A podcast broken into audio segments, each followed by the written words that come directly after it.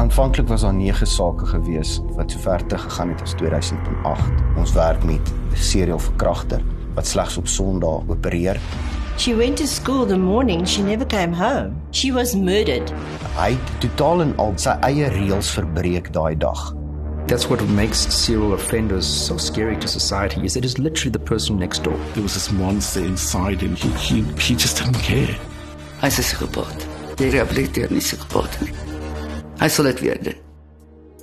'n Bose sondagjagter met 'n spesifieke prooi.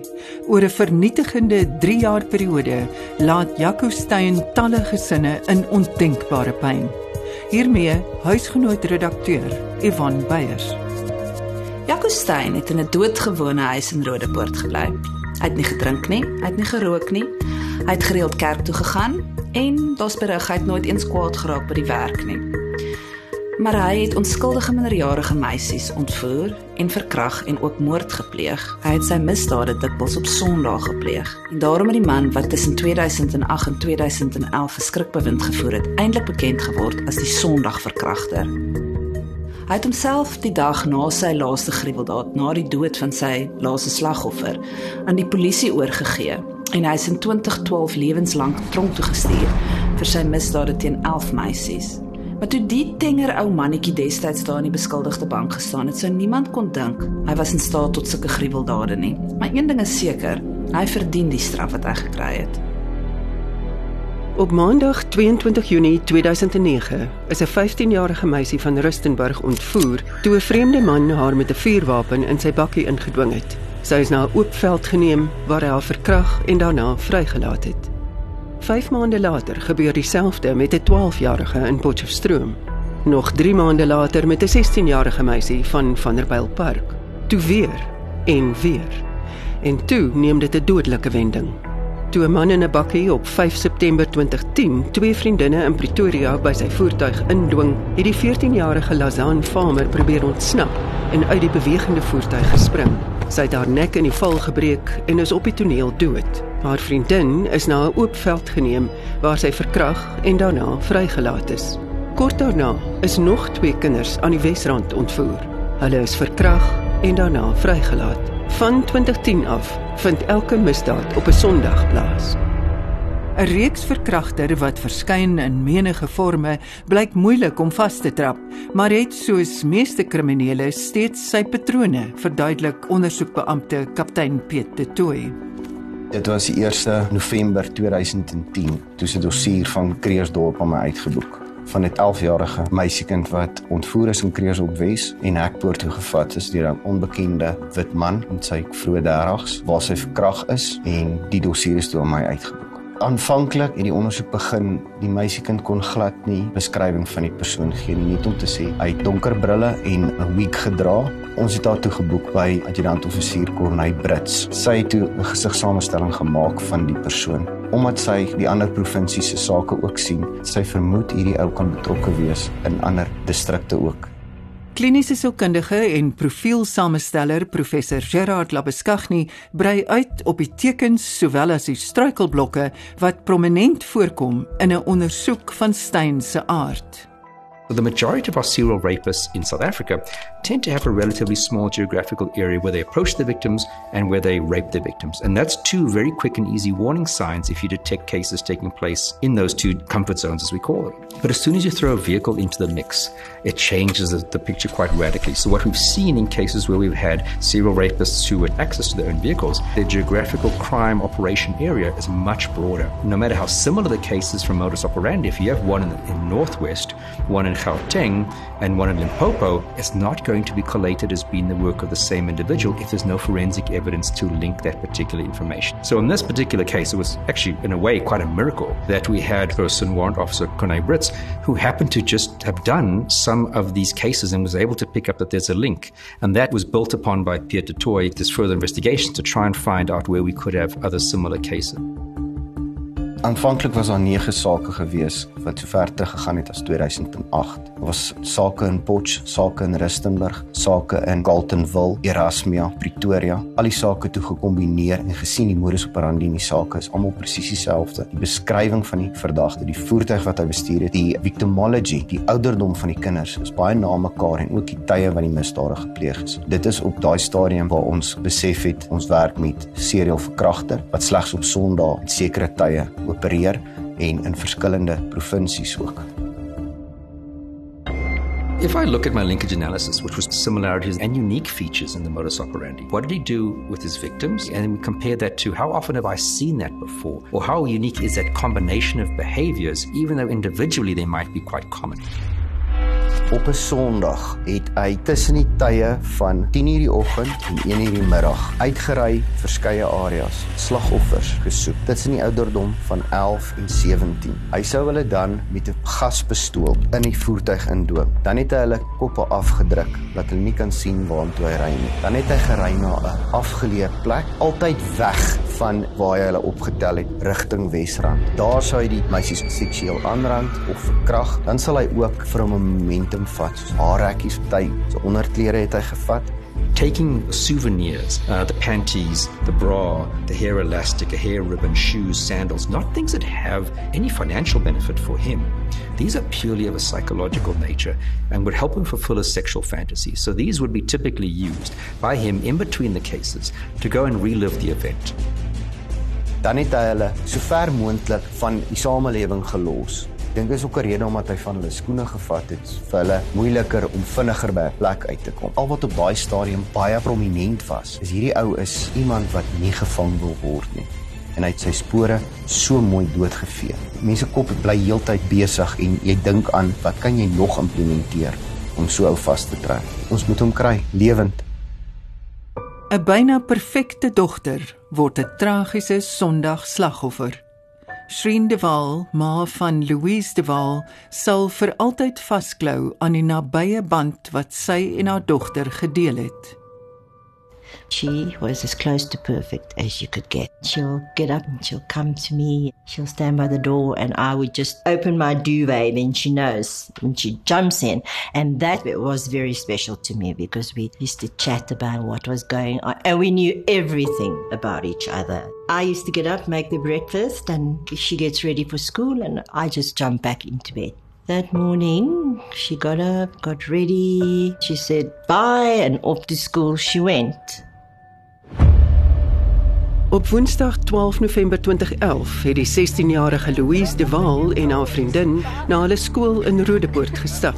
Langs die pad het Louise gestop om room aan haar bene te smeer, toe 'n man in 'n silwergrys bakkie langs hulle stilhou. Hy het uitgespring en 'n vuurwapen op die twee meisies gerig. Toe het hy Louise gedwing om in die bakkie te klim en met haar op die voorste sitplek weggejaag. She came flying into the house and said Louise has been kidnapped. I thought it was a joke because that doesn't happen to you.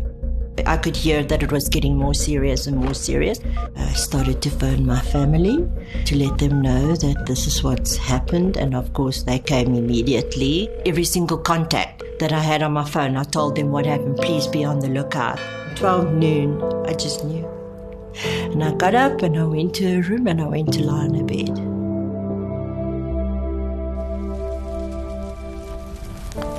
12 Oktober in 2011, 10 minute voor 11, te boer op Maropeng aan die oorkant van sy plaas het hy gesien daar's 'n brand. Toe hulle die vuur uitsit, het hy gesê dit het gelyk asof 'n dier daar doodgeloop.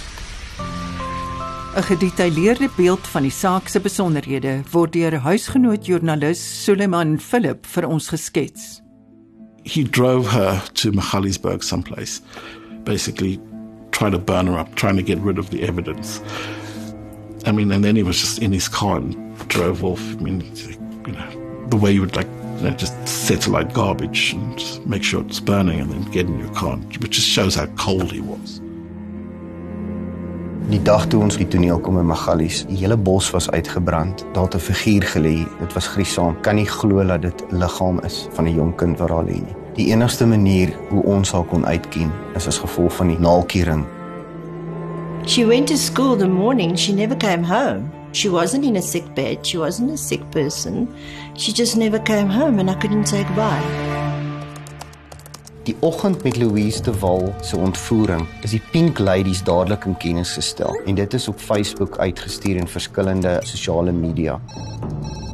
Die deurbraak was toe na 'n oproep van 'n anonieme persoon deurgekom het na adjutant-offisier Jooste van Florida om te sê daar's 'n persoon met die naam van Jaco Steyn wat voorheen toegesluit is wat meisies in Florida omgewing ontvoer het. Hy het toe op die stelsel nagegaan en 'n adres gekry. Adjutant-offisier Dani Pieterse het na die adres gegaan waar hy 'n silwer bakkie aangetref het, dieselfde soort as wat glo in die ontvoering gebruik is. Agterop die bakkie was 'n toegeknoopte volle sak met 'n skooltas daarin. In die tas was Louise de Waal se handboeke. Die toneel is daar deur forensies geprosesseer. Ons het baie inligting op die toneel gekry. Daar het ek ook die beskuldigde Jaco Steyn se selfoonnommer gekry. Toe ek dit deur my database hardloop, met my hart amper gaan staan. Sy selfoonnommer het op elke toneel waar die Sondag verkragter meisies opgetel het en die verkrachting plaasgevind, het sy nommer opgekom. Dis daar en dan wat ons besef het, ons het die Sondag verkragter. Die middag van 12 Oktober het Jaco Steyn sy seun by die skool gaan haal. Op pad terug het hy die polisie by die bakkie op sy erf gewaar en verbygehou. Hy het sy seun by 'n maat se huis gaan aflaai en weggery. Tydens die rit het hy sy vrou gebel. Hy het aan haar erken dat hy 'n meisie ontvoer het en besig was om te vlug. Toe het hy haar liefdevol gegroet en gevra om mooi na hulle seun om te sien. By die huis is sy vrou deur die polisie begroet. Sy moes hulle deur die huis neem. In hulle slaapkamer was die bed netjies opgemaak, maar dit was vir haar vreemd dat haar en Jaco se Bybels van die bedkassie verwyder en onder in 'n rak weggebêre is. Jaco Steyn het uiteindelik na Margate gevlug. Hy het sy broer laat weet waar hy is en gesê hy wil selfmoord pleeg. Die het hom egter probeer oorreed om eers vir adjutant-offisier Piet de Tooy te skakel. Teen die verwagting in, het hy dit gedoen. 2, 3 die oggend het ek die oproep gekry. Toe sê hy vir my ek is Jaco Steyn. Ek het rustig met hom begin praat. Het vir my gesê hy staan by Margate om gesê asseblief, daar's baie dinge wat ek en jy moet bespreek. Baie dinge wat onklaar is. Ons moet deur hierdie ding werk en ek het hom so ver gekry om die kar aan te sluit en met hom gepraat tot hy by Margate polisiestasie instap. Ek het vir hom gesê sien jy 'n polisiebeampte voor jou? Hy het vir my gesê staan 'n man voor my, toe sê ek vir hom gee asseblief die foon en ek vir die polisiebeampte gesê arresteer die persoon vir moord en ek het hom die saaknommer deurgegee.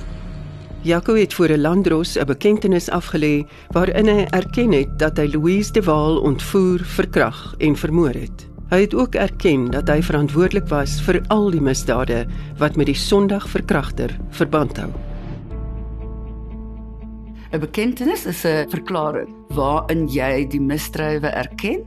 Daardie verklaring het hy gemaak aan 'n landdros van Kreursdorp. Toe die saak begin, het hy onskuldig gepleit en gesê die staat moet alles bewys. Ons moes hierdie bekentenisse formeel inhandig. Dit moes getuienis ten tye van 'n verhoor binne 'n verhoor aanbied. In hierdie verhoor binne verhoor het die hof 'n beslissing gemaak om die bekentenisse toe te laat. Ek moet sê hy het glad nie ewig gelyk nie. Hy was baie baie betrokke in die kerk gewees. Hy het ook die jeuggroep op Woensdae aande hanteer wat partykeer deur tot deur besoek insluit. So we often find that with our serial rapists, that people are very surprised when they finally find out that person so and so is responsible for these series of rapes, to the point where they will still defend this individual as who is their friend or family member. That's very common, um, and I think that's what makes serial offenders so scary to society is that it's literally the person next door. Een ding wat almal vir my gesê het, hy's die aangenaamste mens. Hy is charming. Ons dink almal ander mense is fantasties, veral die psigopate, want hulle is die charming mense en hulle weet hoe om ons te gaslight. Na Jaco Steyn se arrestasie het ons vasgestel dat hy vorige veroordeling het van onsedelike aanranding van 'n 2006 saak in Rodepoort omgewing. En sy vonnis daar was dat hy op Sondag gemeenskapsdiens moes uitlewer by Yusuf Dadoo Hospitaal. En dis waar hy die tyd gekry het om op Sondag tussen daai ure wat hy gemeenskapsdiens moes doen, die dade gepleeg het. In Julie 2012 staan Jaco Steyn in die Palm Ridge Hooggeregshof in Tukosa aan die Oosrand tereg op 37 aanklagte. Die aanklagte sluit menseroof, ontvoering, verkrachting en verskeie ander seksuele misdrywe, sowel as twee aanklagte van moord in, die van Lazan Farmer en Louise de Waal. Wat die saak besonder moeilik gemaak het, is die feit dat daar geen DNA was nie en dat hy vermomming gebruik het. Ons het geen identifikasie gehad nie, ons het nie DNA gehad om hom te verbind met die misdrywe nie. Hy het 10 verkrachtings gepleeg voordat hy sy laaste slagoffer ontvoer het, wat hy dan ook doodgemaak het. Ons het 'n baie baie goeie saak teen hom gehad in verband met haar moord, nie noodwendig die seksuele misdrywe wat hy met haar gepleeg het nie, want hy het haar uitgebrand. Maar die ander slagoffertjies was dit baie moeilik om hom met hulle te verbind. Alwaar ons kon gesteun het was die soortgelyke feite, sowel as die selfoonrekords wat ons hom kon plaas op elke toneel. Elke misdryf het twee tonele gehad en ons kon hom by die tonele plaas en dan natuurlik die bekentenis. So hy sal vir ons net kan sê gedurende September 2003 het ek 'n kind ontvoer in Potchefstroom.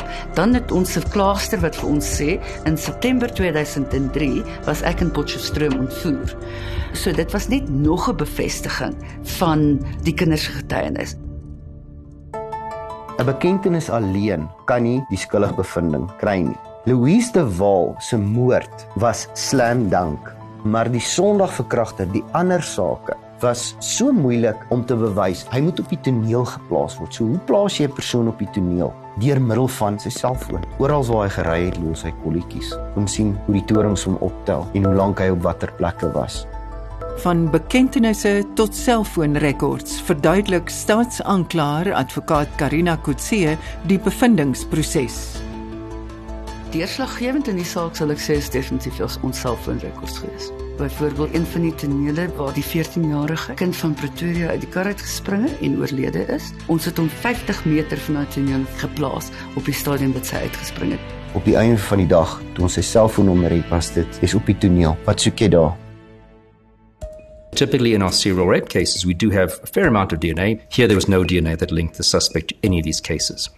So then what we would typically do is rely on modus operandi. So the similarities in terms of the, how the suspect looked, how he approached his victims, the types of victims he did approach, the sexual behavior engaged with the victims, even where the person approached the victim and where they left the victim would be the types of things that we would start to look at. And we would use that in court based on the principle of what we call similar fact evidence. And that's weighty enough that the court can actually use those similarities, especially if they're unique enough, to say that this is probably the work of the same individual. So when I did my table of cases in order from the very first one to the very last one, I don't look at all about the, the suspect's details. I purely look at what I get from the statements. The Sunday was the most common day, hence the name Sunday rapists. There's victims who were all young white females. There was a vehicle involved across the board, and that's quite unique. We don't typically in South Africa see vehicles being used, so that becomes a very unique factor in terms of linkage. Usually having what appears to be a firearm, then pulling them over him into the vehicle, pushing them down. Well, in terms of the sexual behavior, for a few of them, it appears as if he used a sex toy with some lubricant, and that's not very common. And that fit back into his fantasy about wanting this to feel as if the victims actually were voluntarily participating. He doesn't want to accept responsibility. He wants to make it feel in his mind as if these victims wanted this. They wanted to participate. They, they enjoyed it. And that's why, as we look further as modus operandi, we'll see a lot of what we call pseudo relationship behavior. Hy sal die klagstertjies optel, dan sal hy 'n pseudo relationship met hulle ontwikkel. Spin was sy favourite drink. Dan sal hy vir die kind spin gee om te drink. Hy het vir een kind gered laat roof. Ehm um, en hy sal goed dat hulle eh, goed aan hulle self ook doen met ander woorde self-sexual assault. Dit is verskriklik traumaties vir 'n kind om so iets te moet doen. Hy doen dit met 'n geweer in hulle koppe. Maar in sy warped mind is dit 'n pseudo relationship wat hy met hierdie slagoffers ontwikkel. Dieselfde met die laaste een wat hy vir 2 en 'n half ure besig gehou het by sy huis. Ehm um, wat hy aan haar na 2 en 'n half ure gedoen het, sal ons nou nooit weet nie. Louise de Waal se ontvoering en haar dood was die deurslaggewende gebeurtenis wat die hele ding tot 'n einde gebring het. Hy het totaal en al buite sy raamwerk sy eie reëls verbreek daai dag. In die eerste plek, die ontvoering was in 'n baie besige tyd. Die tweede ding is hy het die slagoffer na sy huis toe gevat. Die derde is toe hy van hom moet ontslaa raak, het hy al gaan vermoor op Magalies. Daai hele dag was 'n keerpunt gewees. Ek is amper geneig om te sê daai dag waar hy gevang word. Dit was nie op 'n Sondag nie, dit was 'n weekdag gewees. Tydens my ondervraging met hom het hy net gesê hy daai dag besluit hy gaan nie werk toe nie. Hy gaan haar ontvoer en hy gaan haar na sy huis toe vat. Hy het ook aan my erken dat hy het nie geweet wat om met Louise te maak as gevolg van die feit dat hy al die reëls verbreek. Omdat ons nie direkte getuienis gehad het wat op verbind het nie, was kruisindervraging nogal belangrik. Onthou sy praat van twee tonele. En hy het elke keer 'n verduideliking gehad hoekom hy op beide van daardie tonele was op daardie dag. Dames soek uh, wat op die strate werk wat ek dan die oggend saam kan spandeer. Dit was nogal baie belangrik in om kruisindervraging te uh, hom oneerlik te laat voorkom. En ek dink tog omdat hy so ongelooflik oneerlik is, het dit baie goed voorgekom. Meneer, is dit nie so dat u vir u vrou laat weet dat u gaan werk toe nie? Ek het vir my vrou laat weet ek gaan werk toe, ja. Is dit nie so dat op die stadium toe u vir u vrou gesê het u werk toe gaan, het u reeds geweet u gaan nie werk toe nie? U gaan daardie dag rondry om 'n vrou te soek of vroulike persoon te soek. Oh, ek kan nie presies onthou wanneer ek vir my vrou gesê het as ek vaag sit ek gaan werk toe was dit voor ek gery het en toe ek uitgetrek het het ek besluit om nie werk toe te gaan nie. So dit was 'n paar minute, 'n paar sekondes van mekaar. I mean, the lies that he was and the nonsense that he was speaking about in court. we knew all the truths already and the excuses that he used to come up with. He's a terrible monster. He's just a terrible monster. Vanaf die hofsaak begin het, was daar nie 'n dag wat ek nie in die hof was nie. Meeste van die tyd was was die hof in kamera gewees omdat dit minderjariges was wat getuig het. Spanning buitekant die hof was baie traumaties geweest, veral vir die slagoffer om, om te besef maar ek is vandag hier om te kom getuig. Al het hulle hom nie gesien fisies in die hof nie, en sy foto was oral, hulle het geweet hoe hy lyk. Dit was regtig traumaties vir almal om by te sit en deur die kinders se getuienis te gaan. Pleading not guilty and basically forcing all that testimony, all those victims to relive what happened to them, all those the Form and Duval family to relive what had happened. I think he just he got a kick out of it. The one thing that, that does stand out is that it wasn't widely known that Louise Duval was alive when he set her alight. That was one of the shocking moments in the case, and I think that affected everybody. The families and the journalists. I couldn't be where she needed me the most, but I had to be in the court to do it for her, to get justice for her. It's frightening to, to, to listen to everything that he did, to even the other little children, uh, you know, yeah, how he molested them and abused them. It, it, it is terribly, terribly sad. I am the beast of all Snyder. Do you know that? You killed my daughter. And you will pay for it. There was this like anger, but also this like sense of helplessness that you know there was no way to protect her her daughter from from this sort of thing.